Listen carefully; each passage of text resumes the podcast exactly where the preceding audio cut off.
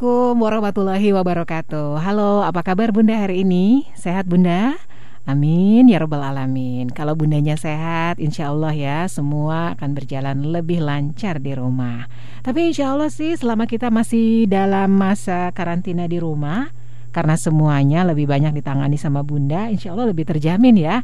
Karena kalau bunda itu kan biasanya lebih mendetil urusan anak-anak, kebersihan, kesehatan, ya nggak bun? Apalagi urusan makanan. Wah sudah eksplorasi banyak dong ya bunda ya, selama di rumah saja.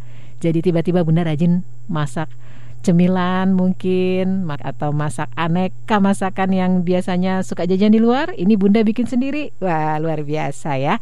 Bisa jadi nih nanti bunda semakin terampil untuk menyiapkan bekal makan anak setelah kita memasuki era normal baru ya. Entah berapa bulan lagi ke depan atau mungkin dalam waktu yang tidak terlalu lama secara bertahap anak-anak masuk ke sekolah lagi bawain bekal lagi.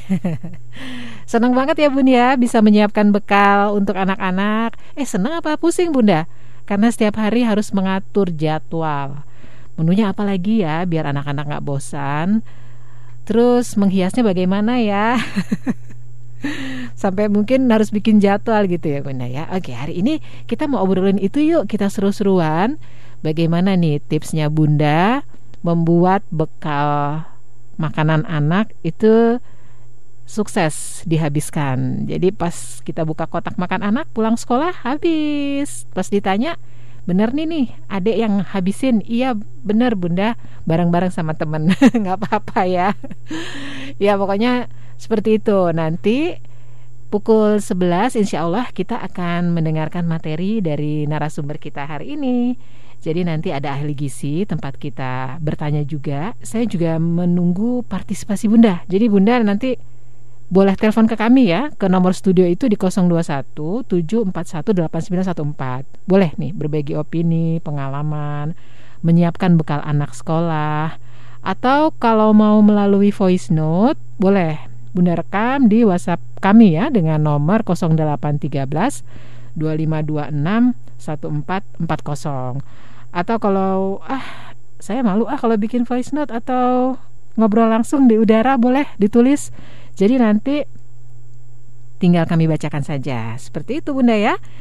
Hari ini kita akan ngobrol nanti ya dengan narasumber ahli gizi Ibu Pavitri SKMRD beliau adalah ketua Persatuan Ahli Gizi Depok. Sampai nanti ya Bu Pavitri. Duh ini Bagaimana nih tugas kelompok kita? Aku nggak ngerti tentang kuda lumping. Gimana dong? Tenang, nanti kita kerjakan sama-sama. Aku tahu kok kita bisa cari informasi di mana. Di mana tuh? Loh, kok malah mengeluarkan handphone? Apaan tuh? Nih, kita cari program acara Salam Raya di Suara Edukasi. Kita bisa dapat informasi tentang ragam budaya di Indonesia. Ah, yang benar. Kalau begitu tentang kuda lumping ini ada dong penjelasannya. Kecil. Caranya? Buka saja suaraedukasi.kemdikbud.go.id. Kita bisa mendengarkan secara langsung melalui streaming atau mengunduh audio podcastnya di laman radio Suara Edukasi ini. Oh, bisa ya?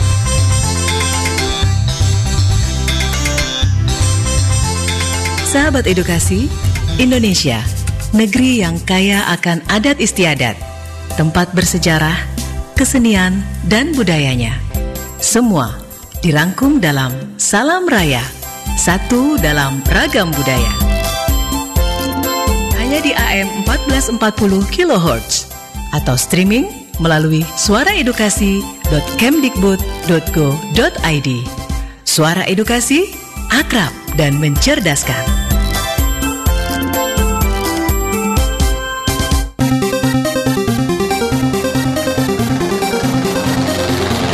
Edukasi yang akrab dan mencerdaskan.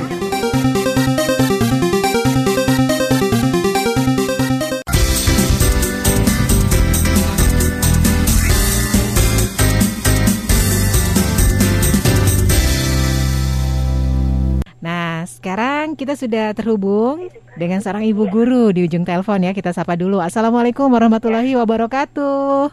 Waalaikumsalam. Iya, Bu Wita ya Bu ya. Iya betul. Oke Bu, Bu Wita hari ini masih sibuk apa nih Bu di SDIT ah, masih persiapan rapat nih hari Rabu dibagikan. Oh, jadi nanti orang tua murid datang begitu ya Bu? Eh, kebetulan untuk di sekolah kami di SDIT Al Hikmah ini kami pakai sistem drive thru. Jadi nanti orang tua datang, kami menyiapkan eh, apa di depan sekolah gitu. Jadi nanti orang tua bisa langsung pulang. Jadi tidak ada apa, kalaupun ada nanti konsultasi via apa via WA atau kita telepon. Oh, jadi yang drive thru bukan hanya Iya. makanan cepat saji ya? Iya betul betul. Iya, mudah-mudahan ini ikhtiar kita bersama ya Bu ya. Betul, untuk mengurangi kerumunan gitu kan. Betul. Jadi kita pakai cara cepat. Se- sekilas saja Bu, kalau nanti di SDIT Al Hikmah ini yang di mana Bu? Parung atau di mana Bu? Ini di Pamulang, di Pondok Cabe. Oh, di Pamulang Pondok, Pondok Cabe. Cabe, ya. Iya, jadi nanti new normalnya akan bertahap mungkin ya Bu ya. Insya Allah kita mengikuti anjuran pemerintah juga dari dinas. eh, kita tetap akan pantau, kita eh, mengikuti eh, aturan lah, Insya Allah untuk kebaikan bersama. Iya, baik. Nah, ini ngomong-ngomong eh, Bu Wita itu mengajar SD kelas berapa Bu? Saya mengajar di kelas 5 Kelas 5 ya? Nah, anak-anak kelas 5 masih suka bawa bekal sekolah atau tidak nih Bu? Oke, kebetulan jadi sudah hampir eh, enam bulan berjalan dari bulan September tahun lalu. Insya Allah SDIT Al ini eh, kita mengikuti program pemerintah untuk Adiwiyata. Jadi Adiwiyata ini program sekolah berbasis eh, apa lingkungan. Jadi itu yang akan berim- berimbas kepada bekalnya anak-anak. Jadi eh, kita meminimalisir apa eh, kemasan-kemasan snack dan sebagainya. Jadi anak-anak dianjurkan membawa bekal dari rumah, begitu. Oke, nah Ibu sempat memantau biasanya komposisi menu yang dibawakan oleh bundanya nih dari rumah anak-anak sudah cukup Ah, memenuhi gizi mungkin belum? bervariasi ya, karena kan ada beberapa bunda juga yang bekerja, mungkin kesibukannya juga jadi eh, apa? Ada beberapa. Jadi kami eh, meminta kalaupun dibekalkan dari rumah itu kalaupun nanti eh, kemasan itu biasanya kemasannya ditinggal di rumah, jadi yang di- dimasukkan hanya eh, berupa makanannya saja langsung, misalnya kayak roti, jadi hanya roti, misalnya.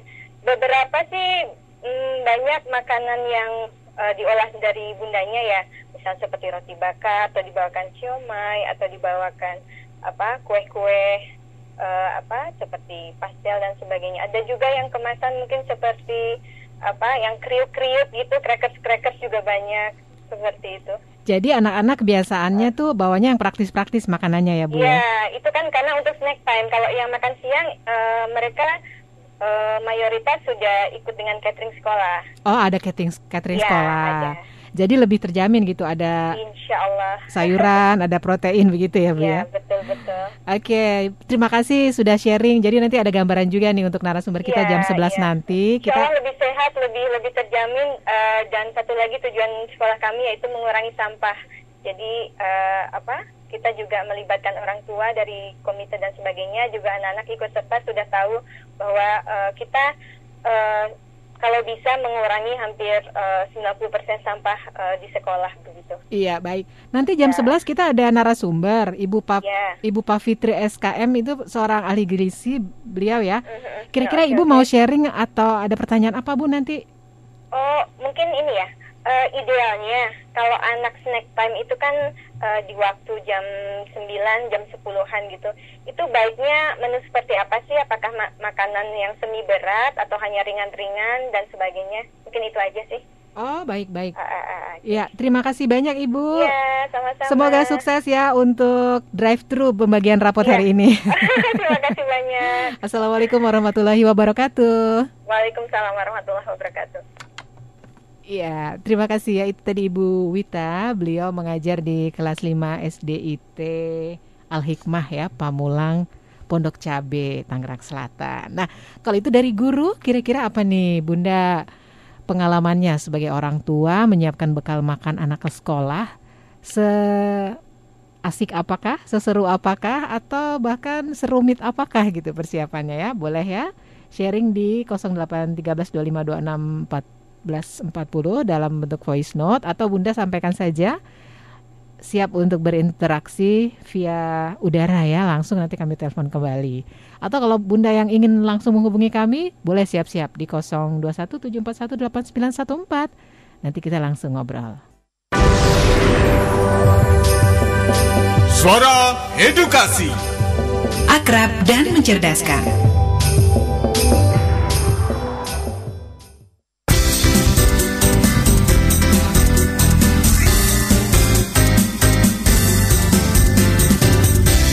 Kembali lagi dari Graha Media Pusdatin 1440 AM Suara Edukasi yang akrab dan mencerdaskan Nah kalau tadi kita ngobrol sama Bu Guru Sekarang sama bundanya ya Saya sapa dulu Assalamualaikum warahmatullahi wabarakatuh Waalaikumsalam warahmatullahi wabarakatuh Bu Ani Iya aktivitasnya mau apa nih Bu? Sedang apa? Sibuk apa? Sedang sibuk di rumah Sudah ini aja sih saya uh, lagi beres-beres rumah aja, bebenah rumah. Paling juga keluar sebentar kalau ada keperluan. Oke, ini dengan Bunda Latifah ya Bunda ya? Ya, betul. Nah, Bunda Latifah di Tangerang Selatan juga. Ya. Bunda, kalau sehari-hari menyiapkan bekal sekolah anak itu Bunda termasuk yang sibuk atau tidak? Kalau pandemi ini kan anak-anak uh, libur ya, jadi mereka memang full uh, sekolah di rumah jadi nggak ada ini nggak ada bekal sama sekali. Cuman kalau sebelum ada pandemi kan memang tiap hari anak-anak ini ya bawa bekal ke sekolah. Kalau untuk uh, anak saya kan tiga yang pertama di pondok. Kalau itu udah uh, makan pagi siang malam kan sudah di sana di pondok dikelola oleh pesantren. Kalau yang nomor dua lima masih lima SD itu dia udah uh, makan siang juga di sekolah. Jadi udah wajib lunch di sekolah. Kan udah include kan SPP udah include uh, lunchnya dia. Kalau yang kelas tiga kemudian udah sekolah sama kakaknya uh, dia nggak ada lunch dari sekolah tapi dia pengen catering juga jadi catering dari luar. Cuma kalau untuk bekal snack kudapannya itu uh, saya siapkan uh, setiap hari saya bekali mereka dengan masak sendiri. Oh gitu? Jadi, uh, contohnya bikin apa bu?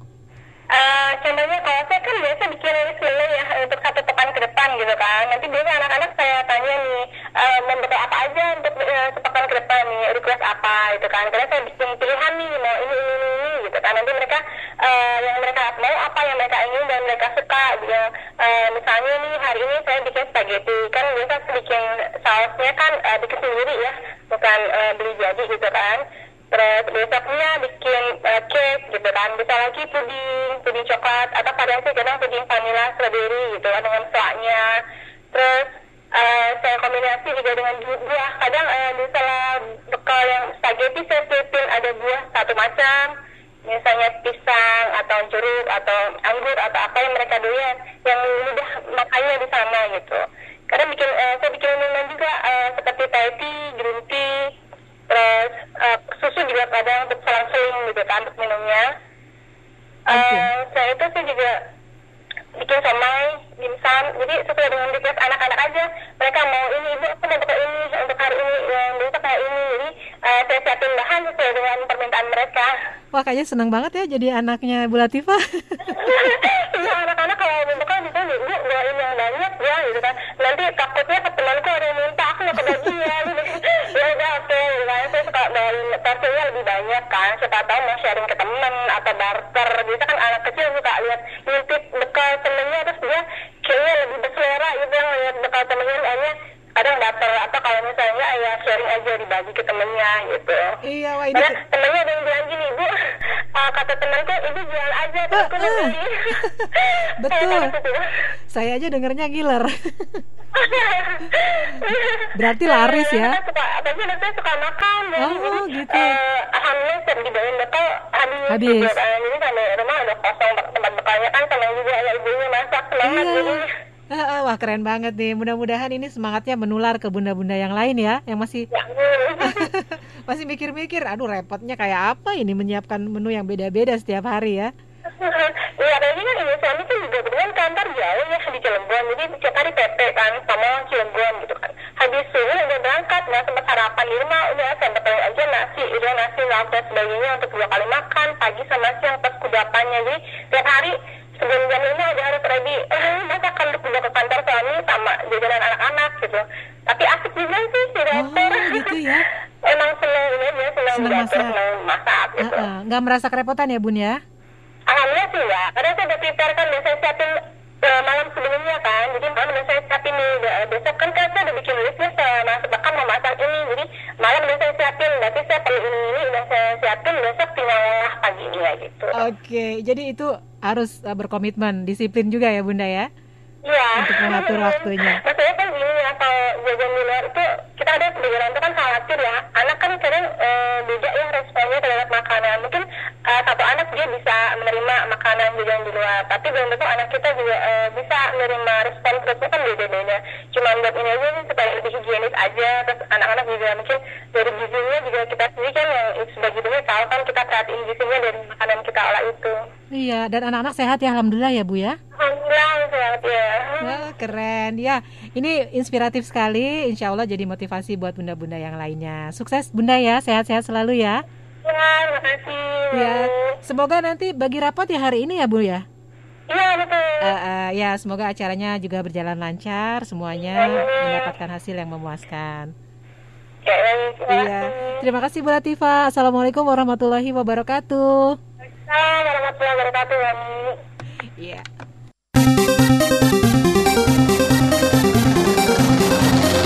Suara edukasi yang akrab dan mencerdaskan.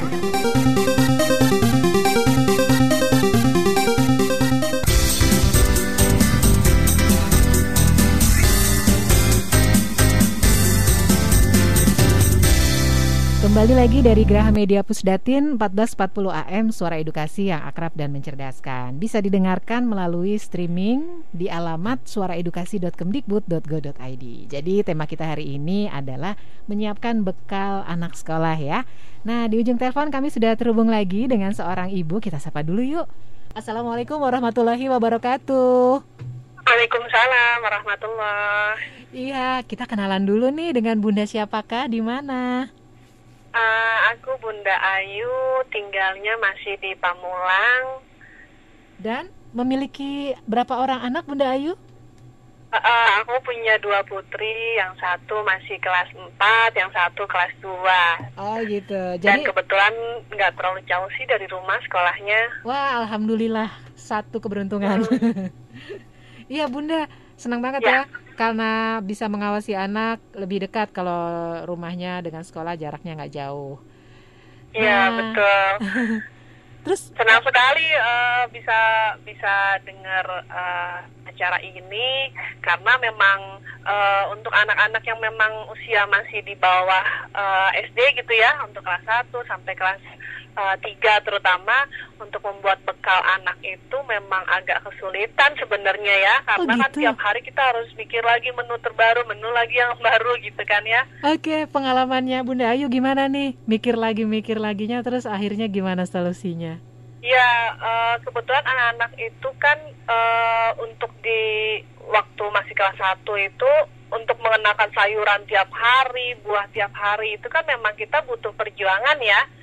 Jadinya eh, gimana caranya membuat bekal anak itu menarik. Salah satunya saya coba untuk membuat sushi yang menurut mereka gampang lah untuk dimakan gitu ya, nggak ribet harus eh, nuangin sayur dan segala macamnya. Jadi waktu itu eh, anak-anak masih di usia kelas 1, kelas 2, eh, saya menyiapkan sushi dengan isi yang mereka suka.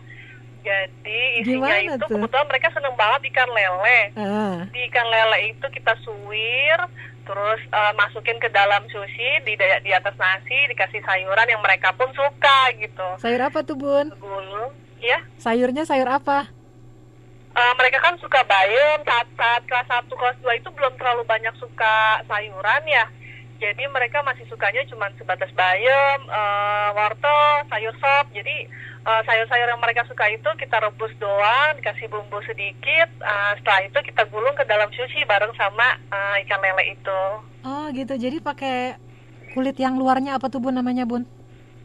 eh ini ya rumput laut ya Rumput laut ya? Ya, jadi di luarnya rumput laut, di atasnya kita taruh nasi, uh, uh, taruh lagi suiran uh, ikan lele sama sayuran yang mereka suka. Sudah seperti itu. Dan alhamdulillahnya mereka doyan banget. Ya, Jadi keren mereka nggak berasa kayak makan lagi makan sayuran, nggak berasa lagi Ya kayak dikasih sayur gitu ya.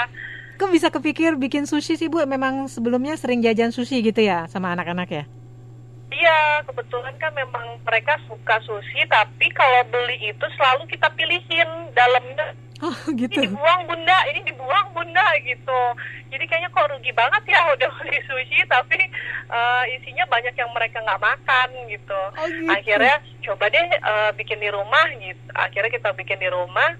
Ternyata mereka suka banget. Nah, eh, untuk mengenalkan ikan juga kita melaluinya dari sushi itu, Mbak. Oh gitu. Jadi ikannya pertama mereka taunya kan semua ikan itu yang enak cuma lele. Heeh. Besok-besoknya aku ganti ikannya jadi ikan eh, ikan mujair, ikan gurame, nanti kita ganti isinya. Nah, ketika mereka merasakan "Nah, ada bedanya ya, setelah lama baru makan. Kalian ikan Cerdik ya ibunya. lele loh, ikannya ini loh. Jadi kalian sudah mengenal ikan yang banyak sebenarnya tanpa Ya. disadari gitu. Jadi selama berproses tuh biasanya Bu Ayu nggak melibatkan anak-anak waktu masak ya, jadi nggak tahu nih ikan apa gitu.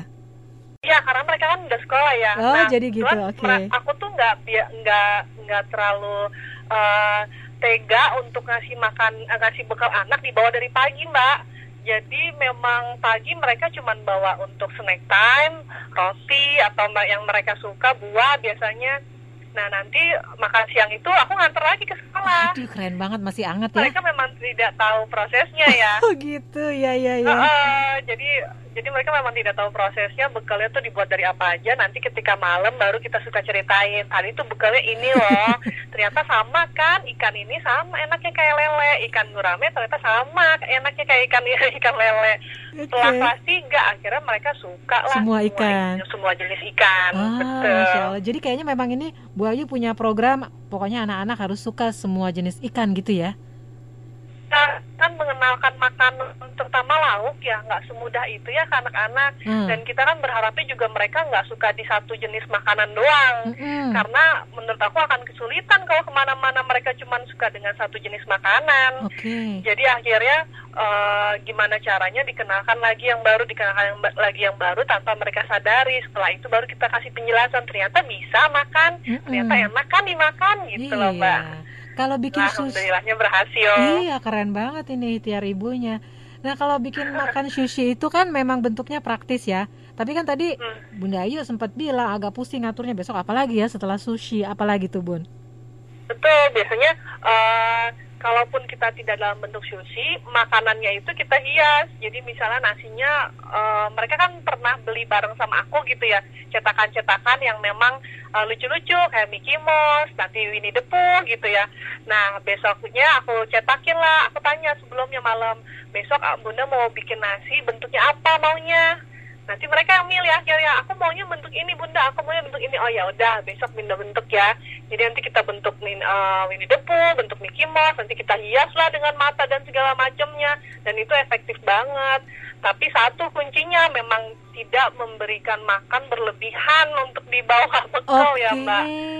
Karena kalau kita ngasihnya berlebihan gitu ya, malah akhirnya kebuang mubazir banget Oh. mereka kalau udah di sekolah itu tidak bisa makan dalam kondisi yang banyak gitu ya mbak makan Mm-mm. banyak karena kan memang waktu mereka terbatas untuk makan ya Mm-mm. Jadi sebelumnya ini sebetulnya eh, Bu Ayu tuh menyimpulkan sendiri atau memang punya pengalaman gitu. Wah kok bekalnya nggak dihabiskan ya? Kayaknya besok harus dikurangi gitu. Eh, karena kan aku cerita eh, jadi ketika mereka pulang sekolah kita buka bekalnya kenapa nggak habis? Iya bunda karena tadi cuma dikasih waktu makan eh, dari jam 12 sudah keburu sholat bunda udah keburu ini. Oh ya udah berarti besok aku berpikir lagi oh nggak bisa nih banyak-banyak. Terus aku kasih lagi besok coba lagi dengan makanan yang beragam ternyata kata mereka nggak bisa bunda ini terlalu banyak. Jadi cuma sempetnya kemakan nasi sama sayur sama ikan yang ini ininya nggak bisa. Oh ya udah berarti nggak bisa nih dalam berbagai jenis yang makanan terlalu banyak gitu mbak. Jadi memang kalau untuk bekal eh, lebih ke yang penting menarik dan makanan yang memang, memang mereka eh, kenal sebelumnya gitu ya. Maksudnya eh, bentuknya tidak aneh-aneh gitu loh mbak. Misalnya kayak anak-anak aku nggak suka brokoli tapi totonya kita bawain bekal dalam bentuk masih bentuk brokoli utuh gitu ya mbak Gitu. maksudnya daun brokoli itu tuh masih masih belum dirubah diproses dalam bentuk lain jadinya akhirnya nggak kemakan Oh gitu, baik baik. Ah. Jadi kalau mau tetap memperkenalkan brokoli ya diolah gitu ya. Betul. Jadi mereka kalau memang mau mengenalkan makanan kalau bisa untuk anak-anak yang memang usia masih di bawah ya mengenalkannya dalam bentuk yang lain. Jangan terlihat, jangan terlihat masih dalam bentuk brokoli, jangan terlihat masih dalam bentuk yang utuh gitu loh. Nah nanti malamnya baru kita ciptakan tadi itu di dalamnya ada ini loh, ada ini loh ternyata enak ya gitu. Oh, jadi kalau sudah kenal, walaupun kalau ditanya nggak suka, tapi karena eh kok baik-baik aja, akhirnya mereka nerima Iya. gitu ya. Oke. Karena mereka suka. Jadi Heeh, ya besok-besok kita kita di rumah kan nggak sama sekolah ya maksudnya Sabtu Minggu di rumah kita kenalkan ke brokoli dalam bentuk utuh. eh, mereka akan teriak kan nggak suka bunda nggak suka tapi kan kita bisa kasih penjelasan loh kemarin hari ini bunda bawa ke sekolah ini loh ternyata habis kan enak rasanya kalau habis berarti enak kita coba yuk dalam bentuk ini aslinya bentuknya seperti ini jadi dicoba ya gitu mbak Oke. Nah sekarang brokoli sudah suka ya anak-anak ya bun ya? Ya, alhamdulillah sih eh, untuk sekarang yang kakaknya, terutama kakaknya kelas 4 sekarang apa pun makanannya mau mau kita mau kita masak dalam bentuk baru kayak contoh eh, kita kan suka kalau orang tua suka kikil gitu ya. Mm-mm. Kalau anak-anak kan agak susah mengenalkan untuk eh, kikil gitu ya, Mbak. Iya. Terus tapi kita kasih tahu, ini ini eh, salah satu bentuk mak apa lauk juga kak, coba dulu deh kak. Akhirnya dia coba walaupun cuma satu dua, tapi dia sudah mengenal gitu loh mbak. Kita nggak memaksa mereka untuk suka, tapi mengenal untuk mengenal makanan banyak gitu. Baik. Wah keren banget deh. Pantang menyerah ya bun ya, memperkenalkan variasi makanan untuk anak-anak. Iya betul. Eh, eh, semoga. Karena mikirnya gitu, nggak selamanya kan mereka ada di rumah gitu. Jadi eh, apa yang mereka suka harus tersedia, nggak juga kan. Jadi kita mengenakannya kalaupun dalam kondisi nggak di tempat yang mereka nyaman, tapi mereka bisa makan gitu mbak. Oke baik wah pokoknya ibu tetap bereksplorasi bu supaya anak-anaknya semakin sehat semakin terpenuhi Amin. gizinya semakin happy nih dimasakin sama bundanya ya Amin. Iya. Iya mbak. bundanya juga semakin expert nih memberikan uh, makanan-makanan terbaik ya untuk anak-anak ya semuanya Ya, amin. Iya, terima kasih. Kapan- Alhamdulillah kalau memang udah di usia kelas 3 ke atas tuh udah mulai lebih mudah ya.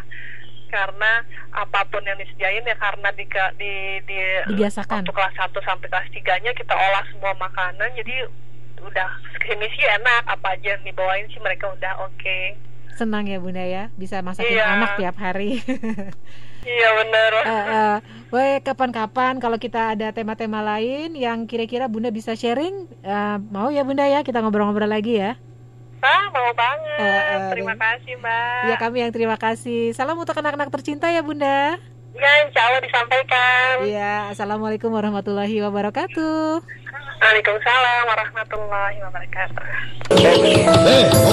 Ah, wayang lagi, wayang lagi. Loh, loh, loh, ada apa ini? Kok ngomel-ngomel sendiri? Enggak kok bu, Hayo, tadi ibu lihat loh. itu bu, ayah kalau malam Kamis sukanya dengerin wayang di radio. Loh, memangnya kenapa? Kan bagus. Bagus gimana sih bu? Di zaman sekarang itu kuno, nggak zaman bu, nggak gaul. Eh, apa kamu bilang? Kuno? Nggak gaul? Ketinggalan zaman? Memang kalau sudah modern, apakah semua yang berbau tradisional jadi kuno? Iya, nak. Tidak semua yang tradisional itu kuno kok. Wajah bangsa kita itu, ya, dari budayanya. Tidak semua yang tradisional adalah kuno. Warisan yang tercipta adalah bagian dari hasil karya cipta yang patut untuk kita jaga.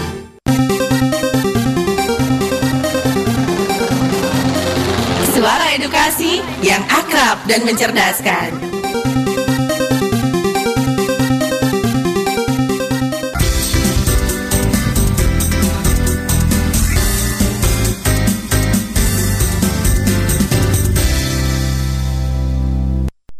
Kembali lagi dari Geraha Media Pusdatin 1440 AM Suara Edukasi yang akrab dan mencerdaskan. Nah, ini giliran kita mengikuti materi yang akan disampaikan oleh narasumber kita hari ini ya. Jadi seperti yang saya sampaikan sebelumnya, hari ini kita udah buat janji nih dengan narasumber kita hari ini, Ibu Pavitri SKMR Ardi. Halo, saya sapa dulu ya.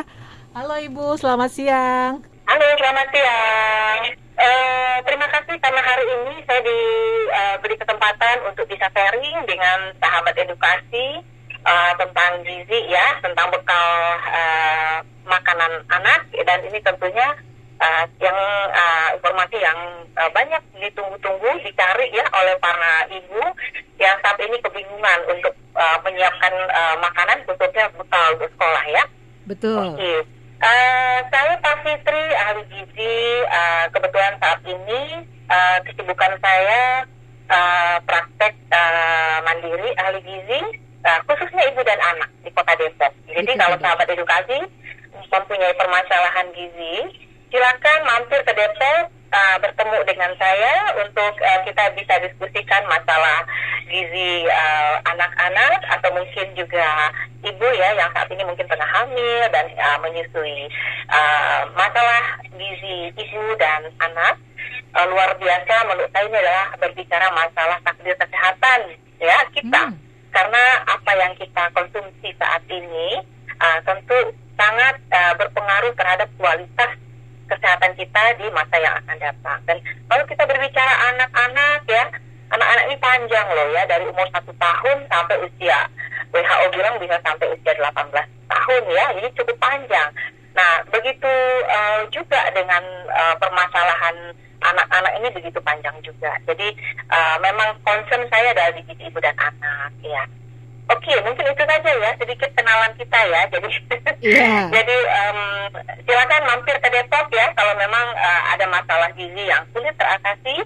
Uh, kita bisa uh, diskusikan di klinik saya. Ya, nanti pokoknya di akhir pokoknya harus disebutkan nih di mention ya Bu ya, di mana nih kita ya, bisa mampir. Ya, boleh, boleh. Oke. Okay. Uh, nah, saya sebutkan sekarang. Boleh nanti saja Ibu takut lupa. Baik. Ya, jadi hari ini kita akan bicara tentang tips gitu ya untuk menyiapkan bekal anak. Tadi sebelumnya di sesi awal kami sudah mengundang partisipan dari ada ibu, orang tua, ada guru juga ya. Boleh saya saya rangkum kembali mungkin ini? Ya. Ah, tadi yang pertama Ibu Wita ya, Ibu Wita. Beliau adalah seorang guru jadi kalau di sekolah itu sudah diberlakukan catering. Nah, masalah catering nih, mungkin nanti ada masukan dari Bu Pavitri gitu. Ya. Catering yang baik untuk makan siang sekolah anak tuh yang seperti apa? Jadi pertanyaannya Wah, ini langsung ada pertanyaan ya materinya belum disampaikan. Ya belum. Masa untuk anak-anak ini ya masa lebih dari 5 jam kurang lebih ya itu uh, anak-anak harus dipastikan uh, kebutuhan gizinya terpenuhi gitu. Jadi memang uh, kenapa 5 jam? Karena anak ini kan punya lambung yang berbeda dengan orang dewasa ya kecil sehingga uh, dipastikan untuk selalu terisi dengan makan makanan yang baik, makan makanan yang sehat. Nah ini yang yang saat ini terjadi karena tidak dibekali sehingga uh, anak-anak jadi jajan sembarangan ya kita tahu hygiene-nya yang pasti tentu tidak terjamin belum juga dari kualitas nilai gizinya nah penyelenggaraan catering di sekolah ini tentu sangat uh, baik sekali ya dan apalagi kalau cateringnya juga uh, memperhatikan hal-hal uh, yang memang memang diperlukan untuk kebutuhan gizi anak. Nah kebetulan saya punya pengalaman nih, mm-hmm. ada beberapa catering untuk sekolah yang juga menggunakan atau bekerja sama dengan saya uh, karena ada adanya mulai adanya kebutuhan permintaan ya dari orang tua untuk uh, memastikan makanan yang uh, diberikan pada anaknya itu betul-betul terpenuhi gizinya dan saya melihat bagus ya selain uh, tentunya sudah terkelola kemudian yang catering yang mengerti tentang tentang ke, kebutuhan apa yang diperlukan anak tidak hanya sekedar kenyang ini juga akan memberikan kualitas uh, makanan yang diasuh anak juga lebih baik begitu. Tetapi kembali lagi catering itu kan bersifat uh, biasanya umum ya. Sedangkan anak-anak kita itu anak-anak yang unik jangankan dengan orang lain. Dia dengan adik atau kakak saudaranya sendiri pun bisa jadi sangat berbeda nah, gitu. Jadi di situlah muncul lagi masalah belum tentu anak itu menghabiskan makanan-makanan yang sudah disiapkan gitu ya. Jadi kalau untuk anak ini memang ada beberapa hal mbak yang harus kita perhatikan yeah. Iya. uh, sebelum kita memutuskan apakah anak kita uh, dengan catering atau memang perlu disiapkan sendiri seperti itu ya. Jadi harus melihat anaknya juga begitu. Jadi harus ada pilihan menu juga kalau di catering gitu ya barangkali ya Bu ya. Betul, betul sekali. Ini penting sekali. Kalau catering yang yang uh, memperhatikan hal-hal tersebut, dia akan memberikan beberapa pilihan ya jadi tidak satu jenis gitu jadi adalah alternatifnya tujuan goal kita adalah anak itu menghabiskan porsinya gitu ya kan gitu kalau misalnya dia tidak menghabiskan porsinya sayang sekali walaupun cateringnya bagus enak tapi ini masalah selera gitu kan nah, Iya. itu mbak Jadi kita agak loncat-loncat sedikit nggak apa-apa ya, Bu Pak Fitri ya. Hmm. Nah Iya, kalau boleh. untuk anak SD itu sebetulnya porsi dan komposisi makanannya yang sesuai jumlah kalorinya seberapa banyak sih Bu? Nah, jadi sebelum saya masuk ke eh, berapa kebutuhan nilai gizinya, boleh nggak sedikit saya kasih gambaran dulu eh, apa namanya hal-hal yang harus diperhatikan untuk eh, eh, apa ya pad- eh, orang tua ya untuk sebelum eh, menyiapkan atau merencanakan eh, pemberian bekal sekolah pada anak ya, boleh ya? Boleh, boleh Bu. Oke. Halo. Iya boleh, silakan langsung Bu. Ya, baik. Jadi eh, begini, Em, sebetulnya eh, saat ini kan anak-anak mungkin merasa wah sekarang masih lagi libur nih gitu. Tapi mungkin sebentar lagi sudah mereka sudah bersekolah ya dan apalagi di masa eh, pandemi COVID ini itu betul-betul anak-anak sangat sangat kualitas kesehatan sangat ditentukan oleh makanan. Nah, membawa bekal sekolah untuk anak tentunya banyak sekali memberikan manfaat ya. Ah, seperti yang di awal saya sampaikan, selain kebersihan dan eh, hygiene-nya itu terjaga, tentu gizinya ini ya eh, eh, tentu lebih baik ya, lebih terjaga lagi. Dan i- begitu pun dengan eh, penyelenggaraan makanan eh, untuk anak itu sendiri gitu ya. Bahkan kadang-kadang eh, orang tua justru yang masalahnya ada di orang tua gitu. Dan orang tuanya sibuk ya kan, Iya. mungkin orang tuanya juga keterbatasan untuk uh, menyimpan makanannya juga kurang sehingga inilah peran catering di sini ya. Memang ada baiknya catering juga harus uh, mengetahui ini. Selain orang tua penyelenggara catering makanan untuk anak sekolah ini juga harus mengetahui beberapa hal ini begitu.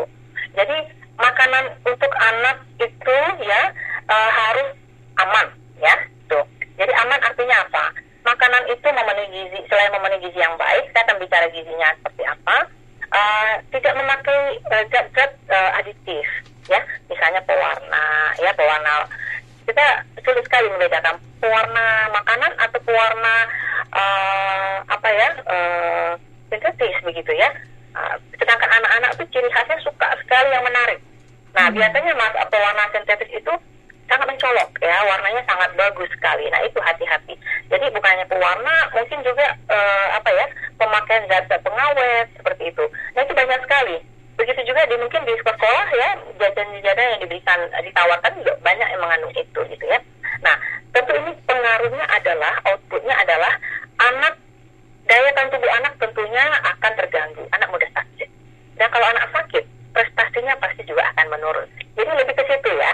Nah jadi ke- eh, membawa makanan ke sekolah sangat dianjurkan tetapi tantangannya untuk orang tua atau eh, mungkin eh, pada anak juga bahwa eh, makanan ini tidak sesederhana itu gitu ya.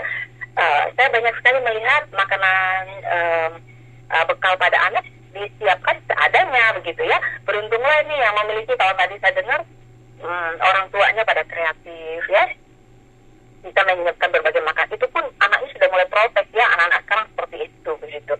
Jadi eh, apa ya kreasi makanan ini penting sekali ya. Dan harus eh, harus disesuaikan dengan selera anak. Jadi begini.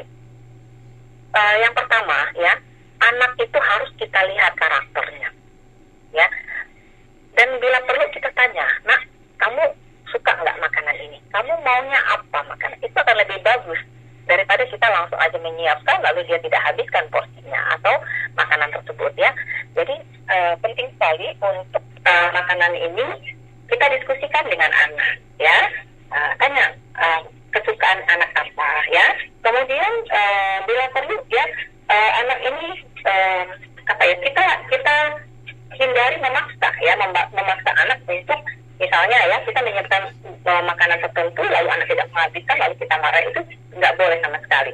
Jadi harus kita diskusi harus deal ya. Eh, seperti itu. Biasanya anak komit kok. Kalau dia udah oke dia akan habiskan ya. Juga beri pilihan nih.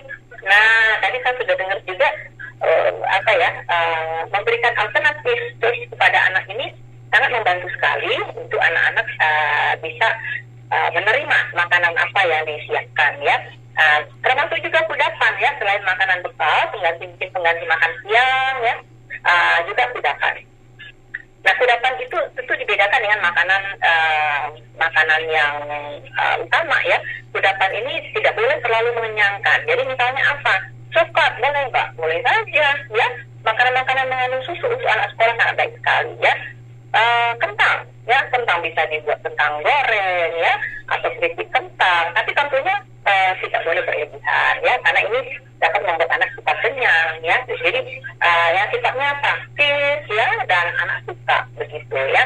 Kemudian variasikan, variasikan makanan ini misalnya da uh, dari satu jenis makanan itu bisa diolah dalam berbagai macam uh, bentuk makanan gitu ya, dalam berbagai macam uh, apa namanya uh, menu, resep menu begitu. Jadi ini orang tua harus rajin nih mencari referensi ya. Mungkin next time kita khusus bahas contoh-contoh menunya ya. Kita bahas bagaimana cara cara hmm, mengolahnya itu karena itu khusus ya. Nah, kalau saat ini mungkin saya lebih jelaskan contoh-contohnya aja. Nah, jangan lupa pada anak ini ya uh, sangat pengaruh sekali visualnya. Jadi makanannya sebaiknya dihias. Nah, jadi ini bukan sekedar apa ya garmis begitu tidak, tapi untuk anak itu pengaruh sekali bagi hipotalamusnya ke otaknya untuk memutuskan uh, dia suka dan tidak terhadap makanan tersebut. Nah, jadi dari mulai teksturnya ya, kemudian uh, apa ya uh, bentuk makanannya, gitu. lalu uh, konsistensi makanannya, kemudian variasi warna yang ada di dalam makanan itu, bahkan bisa juga alat makan loh begitu ya. Jadi akan menambah nafsu makan anak ya. Nah nah yang terakhir baru pastikan gizinya cukup. Nah berbicara gizi ya mungkin banyak dari um, sahabat edukasi para orang tua atau guru kebingungan ya apakah terpenuhi atau tidak yang diberikan kepada anak ya. Yang penting begini uh, pada saat memberikan makanan kepada anak ya uh, kita harus tahu di usia sekolah mungkin uh, uh, di rentang usia 5 sampai 10 tahun mungkin ya. Uh, kebutuhan kalorinya kurang lebih sekitar 1.800 kalori ya. Ini harus terbagi dari beberapa uh, zat gizi yaitu dari karbohidrat, dari protein ya, kemudian dari lemak. Tiga zat ini akan memberikan kontribusi untuk terpenuhinya kalori anak ya. Tetapi ada zat gizi lain yaitu vitamin dan mineral uh, di mana zat gizi ini bukanlah penyumbang uh, kalori, tetapi dia punya fungsi khusus ya, fungsi khusus uh, untuk sebagai zat pengatur. Nah, zat gizi ini perlu penting sekali dipahami oleh uh, para orang tua untuk bisa membantu mengkreasikan makanan-makanan bekal untuk anak yang dapat memenuhi kebutuhan gizinya. Saya ingin saya ingin sharing ya untuk masing-masing uh, zat gizi ini. Boleh ya, Boleh. Mbak Hani ya? Ya, dengan senang hati silakan Bu. Oke, okay. Jadi uh, mungkin uh, banyak orang tahu karbohidrat, protein seperti itu. Tapi banyak yang tidak uh, memahami betul uh, manfaatnya seperti apa, ya, atau fungsinya seperti apa dan sumbernya dari mana ya. Jadi begini, di dalam tubuh kita ya, tubuh kita ini sangat kompleks sekali. Dia memerlukan berbagai zat gizi untuk bisa menjalankan fungsinya tidak ada satu makanan yang hebat yang bisa mewakili fungsi zat gizi yang lain. Jadi kalau tadi saya bicara ada karbohidrat, protein, lemak, vitamin dan mineral, ini zat-zat gizi ini punya fungsinya sendiri-sendiri. Artinya anak kita harus dipastikan mengkonsumsi semua zat gizi ini. Inilah yang disebut gizi seimbang ya. Jadi kalau dulu empat sehat lima sempurna, sekarang disebut gizi seimbang. Artinya uh, makan anak memenuhi kaidah uh, uh, terpenuhinya zat-zat gizi tersebut ya. Nah, termasuk juga air, jangan lupa. Nah, uh, karbohidrat ini saya mungkin bisa uh, sampaikan seperti uh, bahan bakar ya uh, untuk kendaraan. Nah, saya umpamakan seperti itu. Bensin mungkin ya. Jadi bisa membuat kendaraan itu bisa melaju dengan uh, lancar ya, karena ada bensinnya. Nah, karbohidratnya seperti bensin, dia bahan bakar untuk tubuh kita. Sumbernya dari mana? Sumbernya kita kenal dengan nasi ya sebagai bahan makanan pokok orang Indonesia. Tetapi nggak harus nasi, ini harus kita luruskan. Banyak orang Indonesia masih percaya kalau nggak makan nasi nggak makan. Begitu ya. Padahal sumber karbohidrat itu bisa juga kita dapat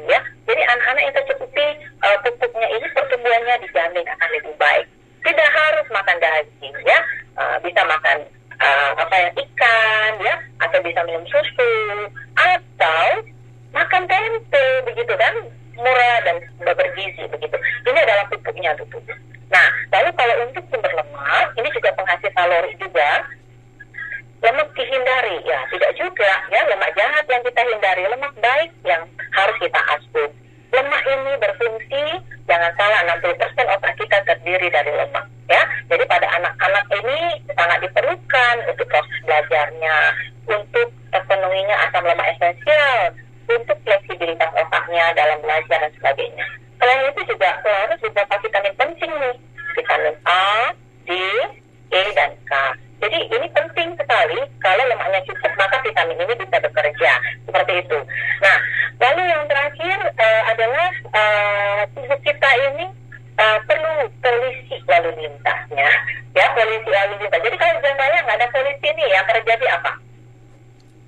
kan nanti tidak tertib.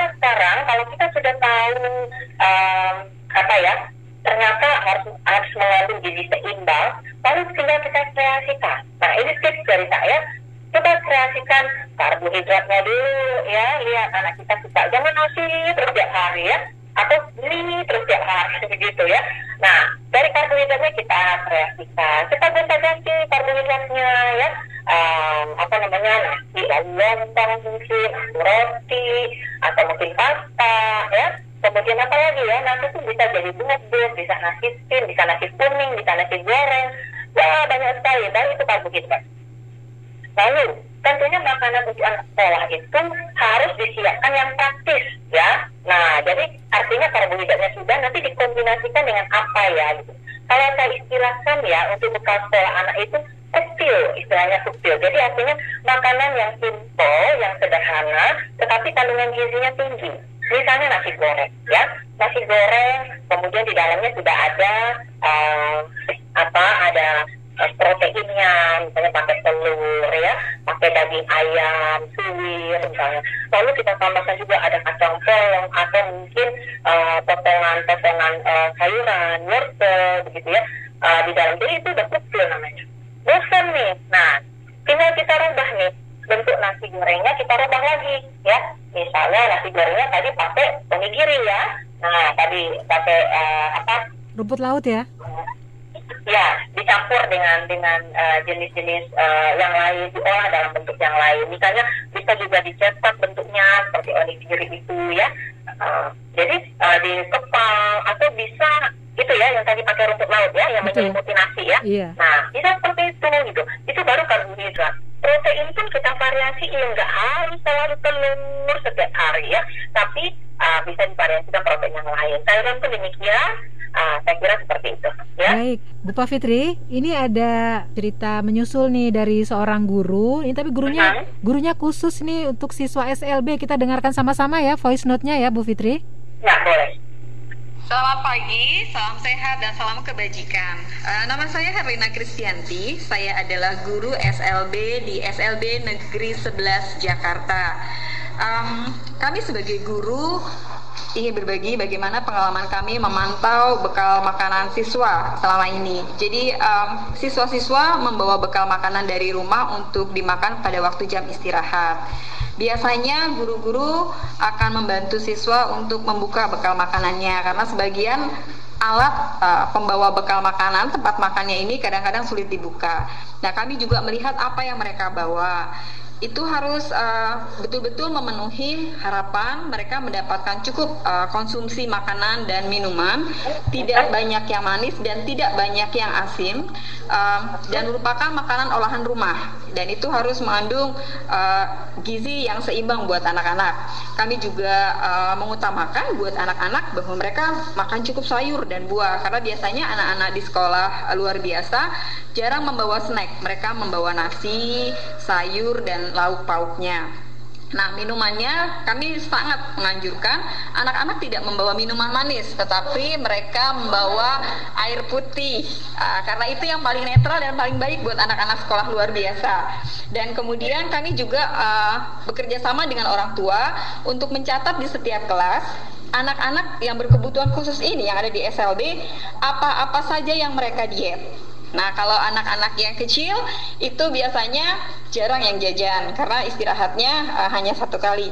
Tapi anak-anak kami yang tingkatan SMPLB atau SMALB biasanya sudah mulai suka jajan keluar uh, ke kantin dan sebagainya. Nah, kerjasama kami dengan penjual makanan dan kantin adalah menghindari makanan-makanan yang memicu agresivitas mereka atau memicu hal-hal uh, seperti uh, gula, gula larutan gula buatan dan sebagainya atau zat-zat pewarna.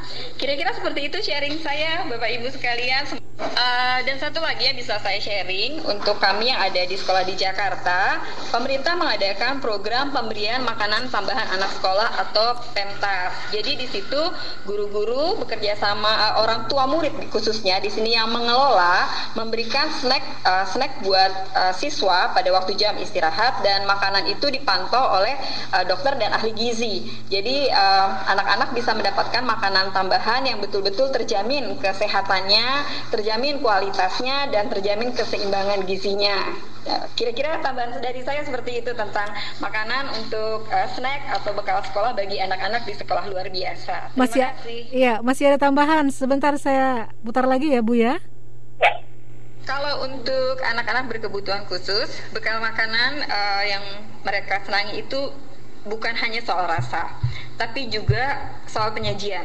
Jadi kalau mamanya membawakan misalnya nasi, nasinya dibentuk seperti boneka atau ada matanya, ada senyumnya dengan tomat dan sebagainya, itu membuat mereka merasa bangga. Nanti mereka kasih lihat temannya. Nanti itu membuat mereka menjadi lebih bersemangat untuk makan. Jadi salah satu hal yang harus diperhatikan orang tua dalam menyiapkan bekal bagi anak-anak berkebutuhan khusus adalah penyajiannya.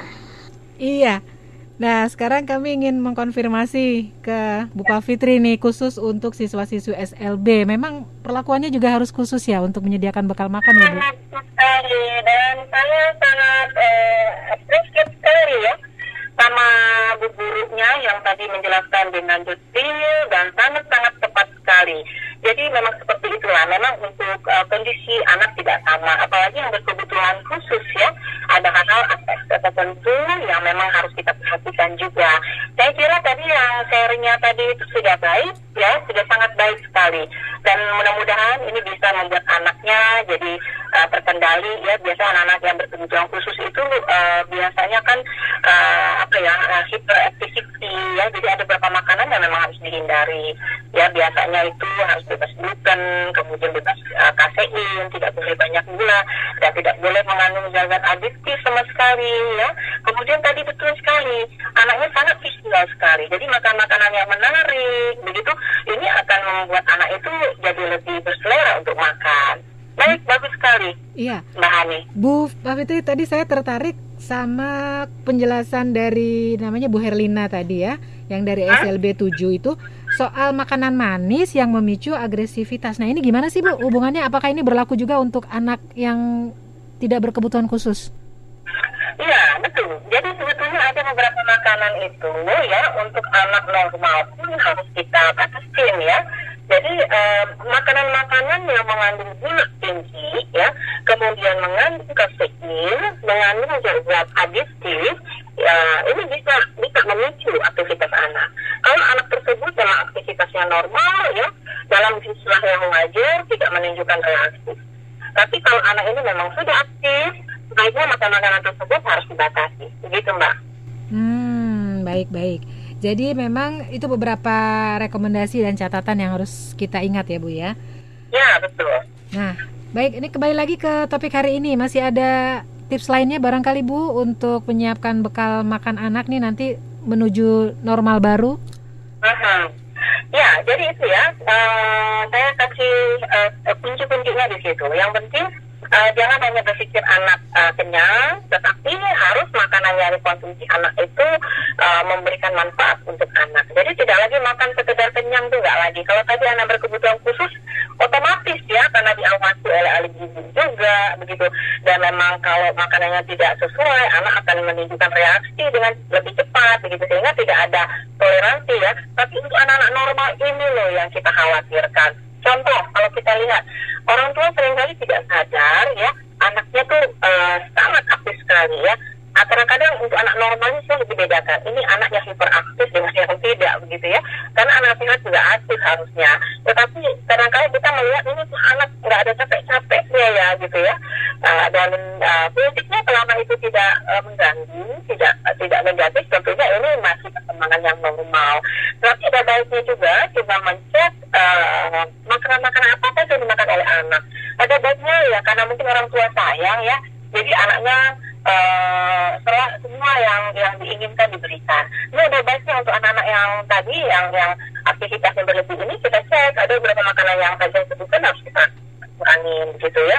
Nah, tapi prinsipnya adalah eh bentar lagi anak mau masuk sekolah. Bekal sekolah ini eh boleh ya akan lebih baik mungkin kalau orang tuanya ada waktu bisa menyiapkan sendiri ya jadi orang tuanya tadi saya sudah kasih uh, ilmunya secara uh, higienitas pastinya saya percaya tentu kalau dibuat sendiri akan lebih terjamin ya. Tapi secara nilai gizi bolehlah tidak ada istilahnya untuk kehabisan ide ya. Kehabisan ide karena dari uh, jenis uh, zat gizi itu sangat sangat uh, bisa dimodifikasi ya. Jadi dari karbohidratnya, proteinnya, lemaknya, vitamin dan mineral. Cuma mungkin begini, eh anak ya biasanya kan ada kesukaan dan ketidaksukaan terhadap makanan tertentu. Nah itu. Ini mungkin yang membuat orang tua menjadi uh, frustasi ya, frustasi untuk uh, menyiapkan makanan. Sebetulnya uh, sahabat uh, edukasi uh, dalam memberikan makanan pada anak ada sebuah unsur yang luar biasa terjadi yaitu unsur edukasi sebenarnya yang penting dipahami di dalam memberikan makan pada anak. Yang pertama ya, nah, ibu ini sebenarnya adalah guru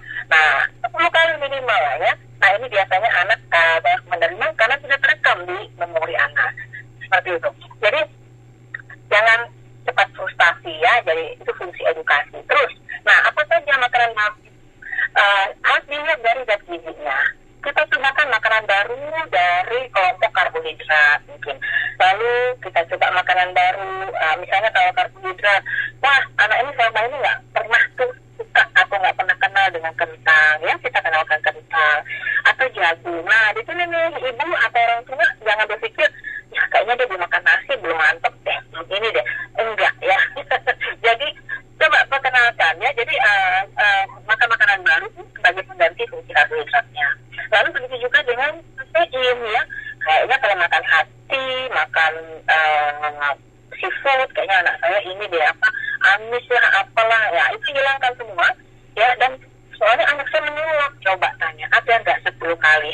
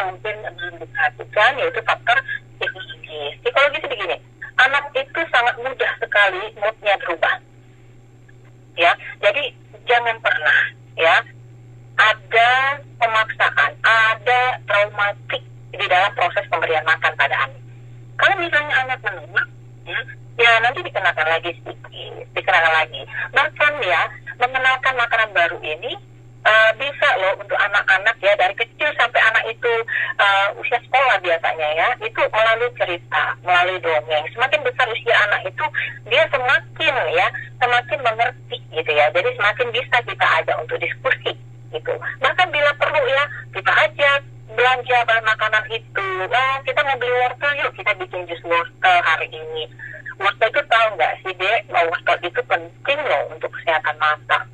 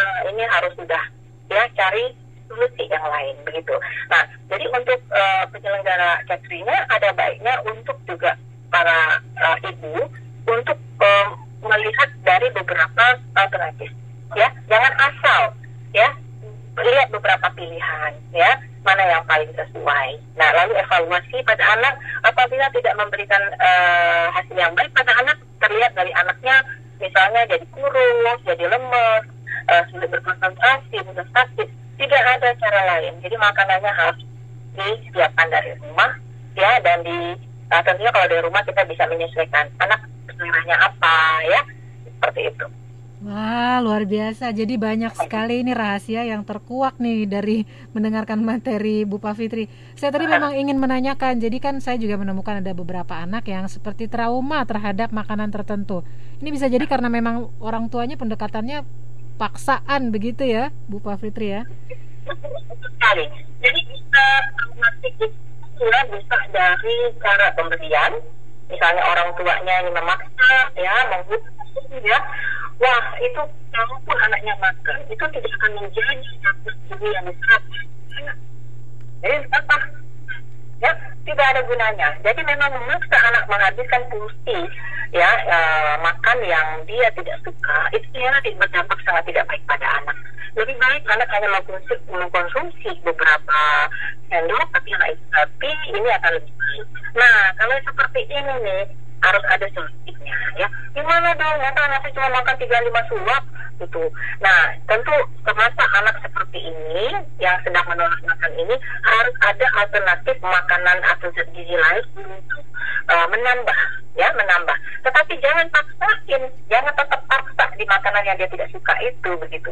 Jadi alternatif uh, makanan tambahan lain itu kita penuhi dari uh, uh, telinga anak ya kudapan anak. Nah di sini pentingnya makanan uh, kudapan itu. Ada anak-anak yang normal ya kita pemberian kudapan ya paling 150 kalori saja cukup ya. Atau maksimal di 200 kalori. Tapi kalau untuk anak-anak yang memang um, yang bermasalah tadi bisa jadi pada saat jad- jadwalnya dia kudapan atau selingan ya dia masih mengkonsumsi makanan yang tinggi tinggi kalori begitu. Seperti makanan utama dia gitu ya. Jadi nah makanan yang tinggi kalori ini tidak selalu mengenyangkan ya makanan yang tinggi kalori ini bisa zaman sekarang ini ada segala macam teknologi bagus banget ya untuk eh, menciptakan makanan-makanan yang eh, bisa memenuhi atau membantu eh, mengejar ya eh, ketertinggalan kebutuhan gizi anak misalnya apa? Misalnya susu ya. Ah, susu tapi tentu susu yang khusus ya. Kemudian misalnya eh, makanan-makanan koktail yang tadi saya sebutkan ya. Jadi makanan koktail eh, artinya satu makanan yang eh, simple tapi kalorinya tinggi. Nah gitu ya. Jadi misalnya apa? Ini saya kasih contoh ya. Walaupun ini baik untuk dikonsumsi eh, eh, terlalu sering. Misalnya pizza. Ya pizza itu gampang ya. Sekali makan kadang-kadang bisa berapa slice gitu anak-anak ya tahukah bahwa satu slice pizza itu kalorinya minimal 350 hingga 700 kalori. Bisa dua piring nasi loh. ya. begitu. Jadi eh, bisa buat pizza sendiri begitu ya. Jadi kan lebih aman ya kalau pizza yang biasa kita beli itu kan kalorinya sangat tinggi sekali. Untuk anak-anak yang memang kekurangan uh, uh, apa ya uh, berat badan atau kalorinya sulit terkejar dari makan-makanan biasa ini masih diperbolehkan sekali-kali tidak boleh sering ya. Yang bahayanya kalau anak doyan. Nah Ah. ya anaknya Skuter, nanti ya ke orang iya. tua. Nah itu yang berbahaya. Jadi memang pada anak jangan lupa ya anak ini proses belajar sama seperti di sekolah. Jadi harus ada disiplin untuk pengaturan jam makan anak ya. Ini penting sekali. Selain jadwal makan jenis makanan anak juga. Tadi saya sudah sampaikan perkenalkan sebanyak mungkin ya makan makanan baru. Yang ketiga itu adalah jumlah. Jumlah makanan anaknya terpenuhi atau tidak dalam sehari bisa dicek dari timbangan berat badan anak-anak kita ya jadi selama anak punya berat badan yang baik artinya makanan yang diberikan itu sudah memenuhi kebutuhan gizi anak. Nah kalau berat badan anak ternyata ah, tidak sesuai dengan standar ini jawabannya jumlah makanannya F3 bisa jadi penuh bisa jadi kurang ya dikeluarkan dari belum dua jenisnya begitu kan jadi 3J jadwal jenis kemudian jumlah ini harus diperhatikan juga begitu ya Mbak Hani Wah, luar biasa. Nah, ini sedikit tambahan ada dua pertanyaan lagi kan saya suka memperhatikan juga ini ada orang tua yang mengeluh anak ini makannya banyak tapi kurus. Nah, ini dia. Banyak sekali orang percaya dengan penampakan.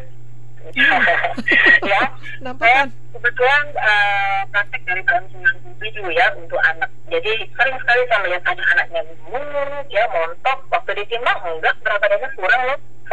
Ada anak kelihatan kurus, waktu ditimbang enggak. Bagus, begitu ya. Jadi harus dicek ya, jangan cepat-cepat menfonis.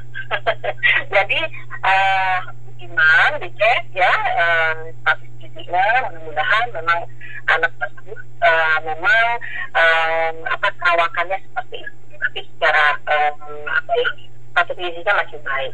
Kalau pun ya misalnya kita melihat nih kenapa ya anak kita kok dibanding teman seusia dia lebih pendek lebih kurus?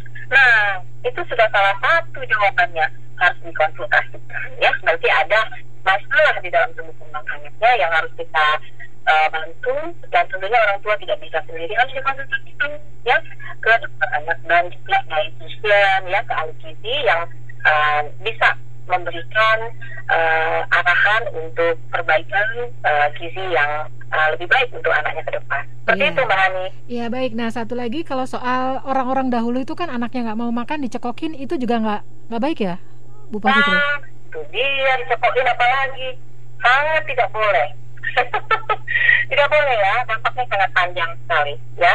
Tidak ada lagi nih hari gini cekok-cekokan nggak ada ya. Tidak boleh merusak sekali ya perkembangan mental anak di dalam hal um, apa namanya uh, perilaku makan anak dan bisa berdampak sampai dia dewasa. Oke, ya. baik. Saya punya banyak pengalaman bahkan uh, beberapa yang sharing dengan saya juga seorang tenaga kesehatan, seorang dokter loh, seorang dokter. Dan pada saat uh, acara dia sampaikan, wah itu saya banget, saya dulu dipaksa, dipaksa. Akhirnya saya kondisinya seperti ini, saya trauma dengan makanan itu. Saya nggak suka makan nasi, saya nggak suka dengan makanan yang dipaksakan waktu saya kecil.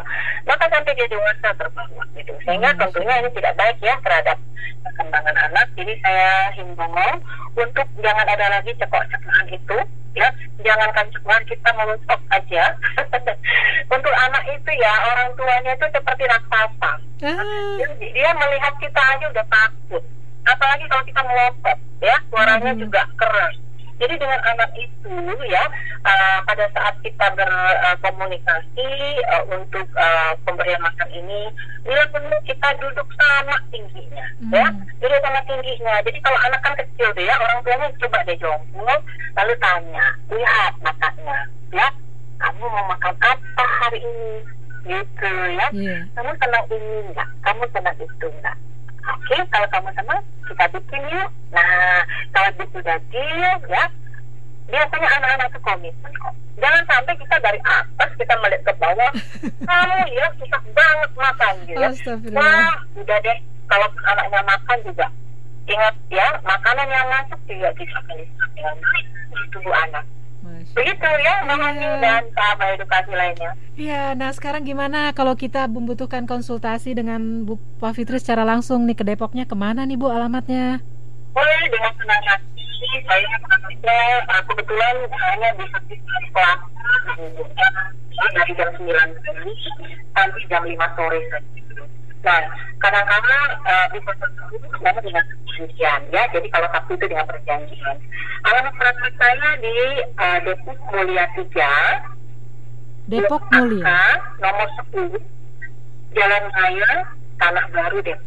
Mungkin nanti saya berikan uh, kasus nama saya untuk bisa uh, di, di Oh baik, share, ya. nanti kami share ya. Baik, ya, kami udarakan. Suara edukasi. Ya. ya. Oh ya, alamat IG-nya apa nih Bu supaya kalau mau instan melihat banyak materi dari Bu Pak Fitri? IG saya di @nutripas ahli gizi. Oke, at nutripav dot ahli gizi. Ahli gizi. Oke, ini pavnya Pak Fitri ya nama ibu ya Bu ya? Ya, Baik, alhamdulillah. Nutripav dot ahli gizi ya, Oke. At nutripav.ahligizi itu Instagram dari Bu Fitri. Jadi yang mau konsultasi atau juga mau melihat banyak mungkin banyak konten-konten yang menarik ya tentang diet-diet ya khususnya buat bunda-bunda nih boleh ya? Ya silakan. Ya baik. Alhamdulillah kita sudah menuntaskan satu jam materi tips menyiapkan bekal makan anak terima kasih banyak Bu Pak Fitri ilmunya luar biasa uh, uh, jadi uh, uh, kita jadi diluruskan kembali nih sikap-sikap kita yang salah ya untuk memperkenalkan makanan-makanan terbaik yang bergizi buat anak-anak. Ya, apa yang dimakan saat ini kita akan lihat hasilnya di bulan. Jadi oh. hasilnya adalah penentu ya uh, masa depan kesehatan kesehatan mereka di kemudian hari. Semoga semua yang mendengarkan acara ini uh, lebih sehat, lebih sehat lagi dan kalau untuk anak-anak tentunya jangan lupa ya lebih berprestasi juga ya sehingga bangsa ini lebih maju ya lebih berkualitas generasi yang akan datang. Terima kasih Mbak Hani. Kami yang terima iya. lalu tadi bermanfaat dan bisa langsung diterapkan uh, di dalam Iya, iya terima kasih. Sehat selalu. Sampai jumpa di lain kesempatan, Bu Fitri.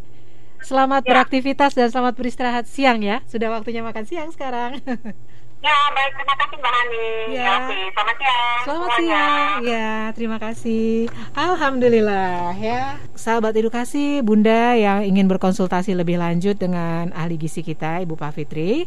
Alamat prakteknya setiap Selasa dan Jumat, kalau Sabtu dengan perjanjian ya. Itu jam 9 sampai 17 ya. Alamatnya di Depok Mulia 3, Blok AK 10, Jalan Raya Tanah Baru Depok kemudian bisa melalui apa nih Instagramnya ya tadi nutripaf.ahligisi atau kalau mau buat janji ini saya sampaikan nomor yang bisa dihubungi di 0813 89899809. Baik, dengan demikian tuntas sudah kebersamaan kita hari ini di acara Bunda Pintar. Insya Allah yang kita bahas hari ini bermanfaat ya. Kita saling belajar ya Bunda ya, saling berbagi pengetahuan, pengalaman untuk saling menguatkan, memotivasi dan menginspirasi. Sampai jumpa di lain kesempatan. Terima kasih untuk kru yang bertugas, siswa dan juga produser Mira Aulia. Sampai jumpa. Saya Hani pamit. Assalamualaikum warahmatullahi wabarakatuh.